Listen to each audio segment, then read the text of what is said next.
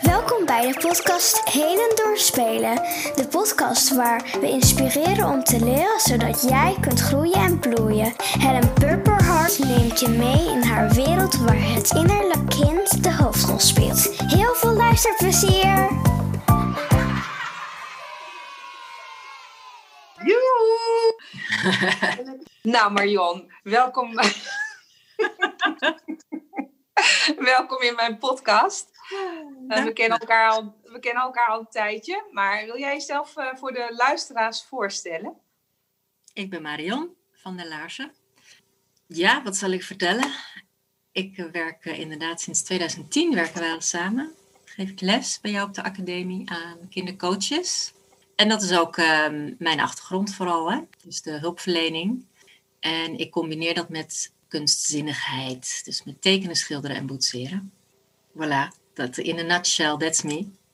That's you. Werk, ja. Werkgerelateerd dan, hè? Ik ben natuurlijk nog veel meer. Kindertijd. Het stuk wat ik niet zo goed van jou ken, is natuurlijk jouw kindertijd. Um, hoe, hoe was jij eigenlijk als klein meisje? Ik was de jongste thuis in een gezin met drie kinderen. En mijn ouders waren ook vrij jong, met name mijn moeder. Achteraf, als ik daar nu over terugdenk, denk ik dat oh, mijn moeder was gewoon een tienermoeder. Dat is toch ook grappig? Uh, dat heb ik natuurlijk niet zo ervaren als kind, maar nu achteraf denk ik, oh ja. Hoe oud was ze dan? Ze was 18 toen ze mijn broer kreeg, 19 toen ze mijn zus kreeg en 20 toen ze mij kreeg. Uh, maar goed, ik was dus de jongste en wat was ik voor kind? Ik denk dat ik een heel vrij kind was, heel nieuwsgierig. Nou, dat zijn ook, denk ik, kwaliteiten die ik nog steeds wel heb. Ik was wel ook een beetje anders, denk ik, dan de rest van mijn gezin.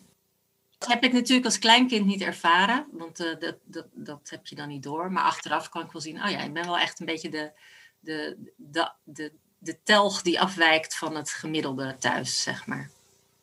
Wat was dan precies anders? Wat deed je anders? Ik denk dat ik vooral minder bezig was met wat, wat hoorde.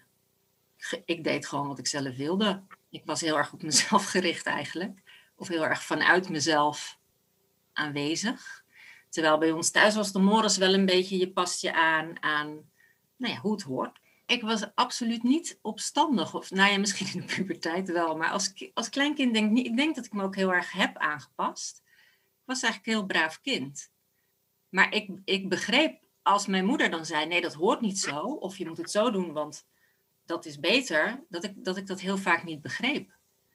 En dat ik het dan maar wel deed. En dacht ik, wow. En pas veel later dacht ik: ja, dat, dat matchte gewoon helemaal niet met hoe ik het leven leefde. Dus dan, Mhm. dan dacht ik, of, of mijn zus, die kan dat ook heel erg zo, hoort het niet. Maar wat dan hoort niet? Kun je één voorbeeld noemen zodat je het iets concreter kunt maken? Nou, ik denk dat dat echt vooral ging over je eigen zin doen. Je eigen keuzes maken of je eigen beslissingen nemen. Nou ja, als klein kind heb je natuurlijk helemaal niet van die grote keuzes, maar gewoon dan denken, nou, misschien zat dat wel in simpele dingen als ik wil niet met jou spelen, dat ik dat dan gewoon zei. Ah ja. Ik Ja. denk echt dat het, he- het niks groots of zo, ik deed niks raars volgens mij. Wat speelde je als kind graag? Waar bleef je zeg maar uren zoet mee? Ik speelde vooral met mijn broer. Ik hield eigenlijk van heel veel hoor. Nieuwsgierig als ik was, vond ik alles leuk. Maar ik speelde vooral veel buiten. En dat konden dan wilde spelletjes zijn. Wij speelden altijd ontvoerdertje. ik groeide op in een flat met echt met 120 woningen over 10 etages. Nou, ik denk dat in ieder huis gewoon kinderen woonden. Dus we hadden echt een mega grote groep leeftijdsgenoten ter beschikking. eh, altijd om buiten te spelen. Ja, met bosjes waar je in kon en klim, klimdingen. En, dus ik was veel buiten. En als ik binnen was, dan hield ik heel erg van rollenspel. Dus ik weet dat ik een vriendinnetje had, die hield daar ook van. En dat ik daar de hele Sissy-film mee na ging spelen. En dan vooral het flauw vallen en dat soort dingen. Dat vonden we heel geweldig. Dat klinkt echt als een hele geweldige kindertijd. Ja, ja, nee, dat was ook zo. Ja, gewoon kunnen doen wat ik wilde doen. Ja. Als ik denk aan jouw talenten, dan is het eerst wat bij mij opkomt, omdat ik je natuurlijk ken als eh, creatief coach. Mhm. Had je die talenten vroeger ook al? Dat je bijvoorbeeld heel creatief was en, en goed kon tekenen en schilderen? Nee, ik heb me daar echt helemaal niet mee bezig gehouden als kind. Mijn moeder deed dat wel. Die schilderde met olieverf. Dus dat stond dan wel heel lang in de huiskamer. Want daar kan je heel lang aan doorwerken, hè, olieverf. Omdat het niet, en niet snel droogt in elk geval. Dus dat weet ik wel. En ze, en ze deed keramiek. En ze deed knopen. Nou ja, allemaal van die 70er jaren hobby's. ik vond dat wel het mooie wat ze maakte. Ik kon er wel heel lang naar kijken. Dat kan ik me wel herinneren. En pas op de middelbare kregen we natuurlijk echt dat je moest kiezen of je tekenles wilde of handvaardigheid. Toen ben ik wel gaan tekenen. Maar ja, ik was echt een megapuber. Dus ik ging vooral niet heel erg goed mijn best doen op school. En ik weet nog, met tekenen gooide ik ook echt met mijn petten naar. En dan, dan deed ik van de hele opdracht echt het mini, mini, minimale. En dan kreeg ik toch altijd een acht, want dan ging mijn tekendocent helemaal ja, je hebt weer niet veel gedaan, maar wat je hebt gedaan, dat is toch wel weer echt. En had hij een heel verhaal. En dan dacht ik, oh, nou, dan incasseerde ik die acht maar weer en dacht, nou lachen. En achteraf denk ik, ja, ja dat is, is dan toch misschien een talent geweest wat ik echt voor mezelf helemaal niet heb erkend. En waar was je goed in in je kindertijd? Ja, ik, ik heb niet het gevoel dat ik ergens zo in uitblonk. En, en dat was ook een het is ook iets wat heel erg bij onze gezinscultuur, denk ik, hoorde. Wij deden niet aan uitblinken. Wij deden vooral heel normaal. Dus ik heb ook niet het gevoel van, oh, als kind had ik dan een bepaald iets waar ik ook in gevoed werd of zo, hè, door, door mijn ouders. Nee. Wist je als kind al eh, wat je wilde worden als je later groot was? Ja, ik wilde wel altijd met kinderen werken. Ik denk dat ik eerst heel lang juf wilde worden. Dat heb ik ook heel lang in rollenspel gespeeld. En dan wilde ik altijd de juf zijn. Ja, moeder wilde ik altijd worden. Dat heb ik ook heel veel in rollenspel uitgespeeld. Ook in de bosjes. Dan maakten we een hele hut in de bosjes. En dat was dan ons huis. En daar woonden we dan met onze poppen, onze kinderen. En dan vadertje en moedertje helemaal uitspelen. Wat is het grappigste moment wat je hebt meegemaakt? Wat je je nog kunt herinneren? wat nu bij me opborrelt, is eigenlijk helemaal niet zo'n grappig moment, is dat we eigenlijk ook qua humor niet helemaal matchten. Dus ik weet dat mijn broer en mijn moeder, die konden bijvoorbeeld enorm samen de slappe lach hebben. En ik begreep dat dan nooit. Ik zat daarbij en ik keek ernaar en ik dacht, nou ja, waar zijn we zo om te lachen? En dat had ik dan wel gemeen met mijn vader. Dus wij keken me daar, elkaar dan een beetje zo aan van, nou ja, laat maar gaan. Dus echt heel erg de slappe lach. Dat, ja, dat had ik vooral met mijn vriendinnen. Dat had ik thuis niet. Het was niet. nee, nee, echt niet. En het spannendste? Het spannendste wat ik me nu kan herinneren is dat ik als kind een keer in een vijver ben gevallen uh, op vakantie in de Ardennen. Dat ik schrok natuurlijk, want ik viel zomaar in dat water. En was ik echt nog niet, was ik echt negen of tien. Ik kon wel zwemmen. En dat ik onder water mijn ogen opendeed. En het was dus zo'n zo'n vijver vol met van die zoetwatervissen, snoeken of zo al die snoeken zo om me heen zag. En dat ik zo hard schrok. Dat ik, nou ja, volgens mijn zus die erbij stond, was ik sneller uit het water dan dat ik erin was gevallen. en ik kan dat gewoon nog zien. Ik kan nog zien wat ik zag onder water. Dat is gewoon echt een angst, uh, angstaanjagend moment. Ja, zeker. Wat mis jij uh, uit je kindertijd, als je daar nu aan terugdenkt? Ja, ik denk vooral de zorgeloosheid. dat je gewoon als kind de dagen aan elkaar regen. In mijn geval in elk geval, de dagen aan elkaar regen van inderdaad vriendjes, vriendinnetjes, buiten spelen, binnen spelen. Ik had een broer en een zus om mee te spelen. Ik heb oneindig veel gespeeld, denk ik. En die vrijheid en vooral zorgeloosheid, dat je dus nooit iets anders hoefde dan dat. Dat je gewoon je, ja, je vrije willetje zo oeh, kon volgen. Heerlijk. Dat mis ik echt nu in de volwassenheid. Ja, met alle plichten en verantwoordelijkheden die we op ons hebben genomen. Wat mis je totaal niet? Ja, ik denk toch dat gevoel van wat ik net al beschreef. Van goh, ik voel wel dat er een soort verwachting is van buitenaf. Maar ik begrijp hem niet, dus ik kan er ook niet aan voldoen. Daar dan wel je best in doen, maar nou ja, zo dat, dat een beetje dat, dat gevoel van ik match niet helemaal. Ik heb ook heel lang gezegd, ik ben niet sociaal. En dat, dat is echt van daaruit. Van, ik volg het niet goed. Ik weet niet goed wat er hoort. Terwijl ik weet heel goed wat er hoort. Ik ben hartstikke sociaal. Maar als kind heb ik het denk ik heel vaak niet goed begrepen. En daar dat gevoel aan overgehouden. Lastige emotie.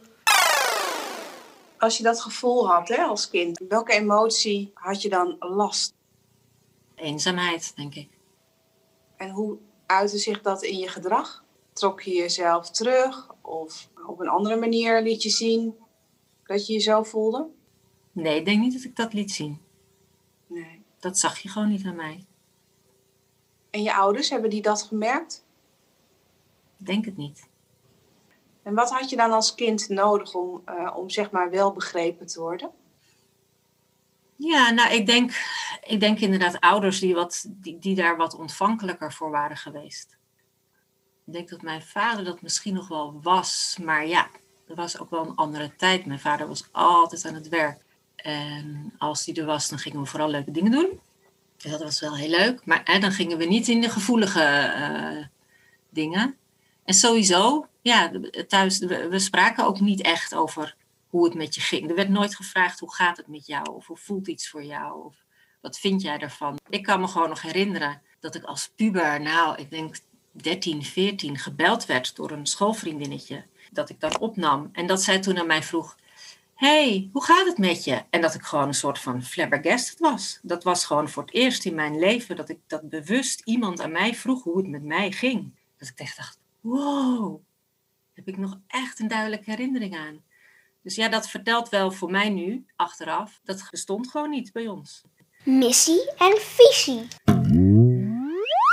En nu ben je volwassen? Wat wil je eigenlijk uitdragen aan kinderen? En ja, hoe kun je dat zeg maar weer terugkoppelen met je kindertijd, met het gemis wat je zelf als kind hebt ervaren?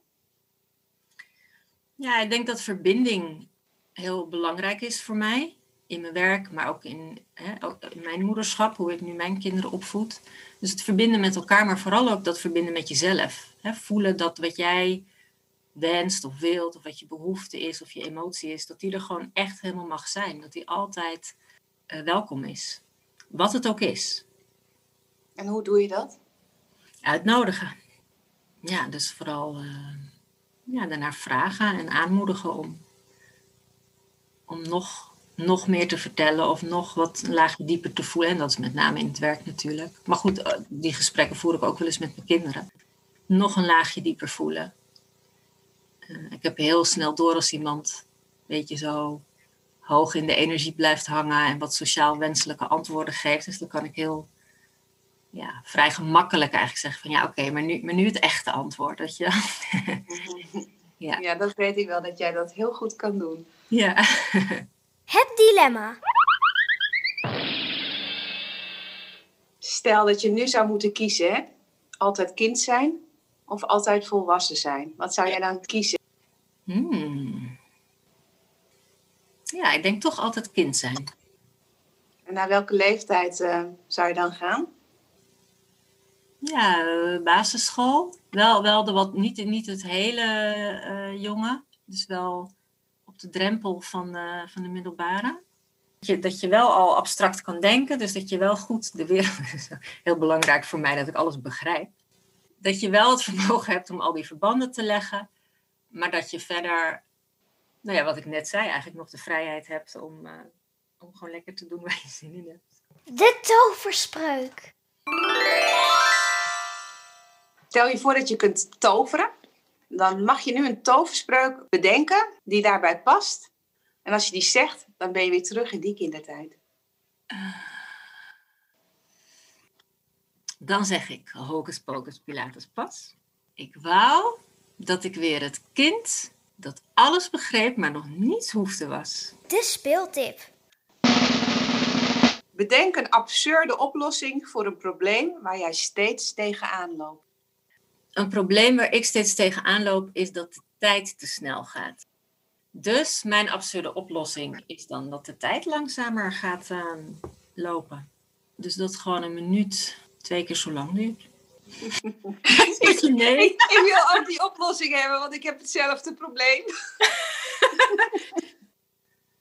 heb je nog iets wat ik vergeten ben te vragen? Of wil je nog iets vertellen? Nee, ik geloof het niet ik bedenk me nu, kan nu niet met live en zo, maar eigenlijk zou het, zou het zo leuk zijn als we nu ook samen in de zandbak hadden gezeten. Dat we dan kunnen altijd samen- nog een afterparty van maken. Ja, en dan dat je gewoon samen- van. zandtaartjes gaat bakken. En echt, echt gaat voelen dat je, dat je het kind in elkaar echt gaat ontmoeten. Lijkt me heel leuk. En dan met water erbij en zo. En dan... Precies. Ja. Nou, laatste vraagje voor jou. Waar geef jij jezelf een applaus voor? Ja, eigenlijk gewoon ehm, voor wie ik ben geworden. Ik ben eh, dik tevreden.